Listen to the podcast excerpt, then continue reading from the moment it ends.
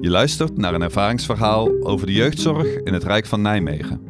Als jeugdbeschermer krijgt Wietske een heel ongebruikelijk verzoek.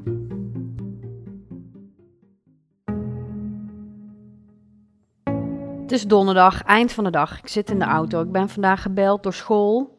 En het gaat echt niet goed met een jongen van 11 jaar. Daar ben ik nu anderhalf jaar bij betrokken. Hij heeft vandaag met stoelen gegooid. Daarna ben ik gebeld door zijn stiefmoeder. Hij had de taxichauffeur uitgescholden. Daarna ben ik gebeld door de gezinsbegeleidster. En die gaf aan van ja, gaat niet oké. Okay. Krijg niet helemaal van de grond. Moet overleggen.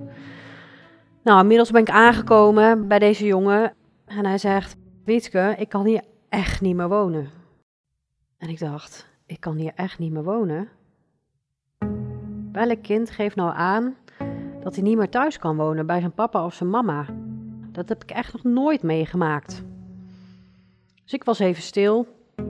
De jongen vertelt ook van, nou, ik voel me hier gewoon niet oké en kan ik niet met je mee? Ik zei, nou, je kunt niet met me mee. Ik zei, maar ik ga morgen, zorg ik dat ik een plek geregeld heb voor jou. En we maken vandaag afspraken over hoe het vannacht en vandaag dan kan. En als er iets is, dat je toch nog op iemand terug kan vallen. Wat stel je voor dat?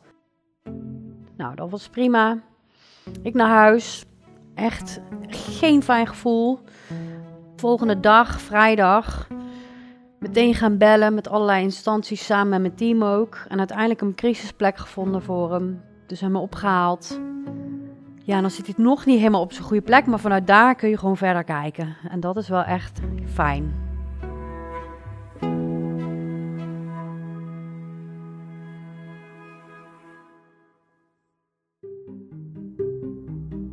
Je luisterde naar een verhaal uit de serie Kind te Rijk. Een co-productie van het Rijk van Nijmegen en Zorgdragers. Firma Reuring, Buitenzinnen, Sier en Nathan van der Veer. De verhalen zijn auteursrechtelijk beschermd. Benieuwd naar meer mooie verhalen? Kijk op jeugdregionijmegen.nl en zorgdragers.nl. Volg ons op sociale media en de nieuwsbrief.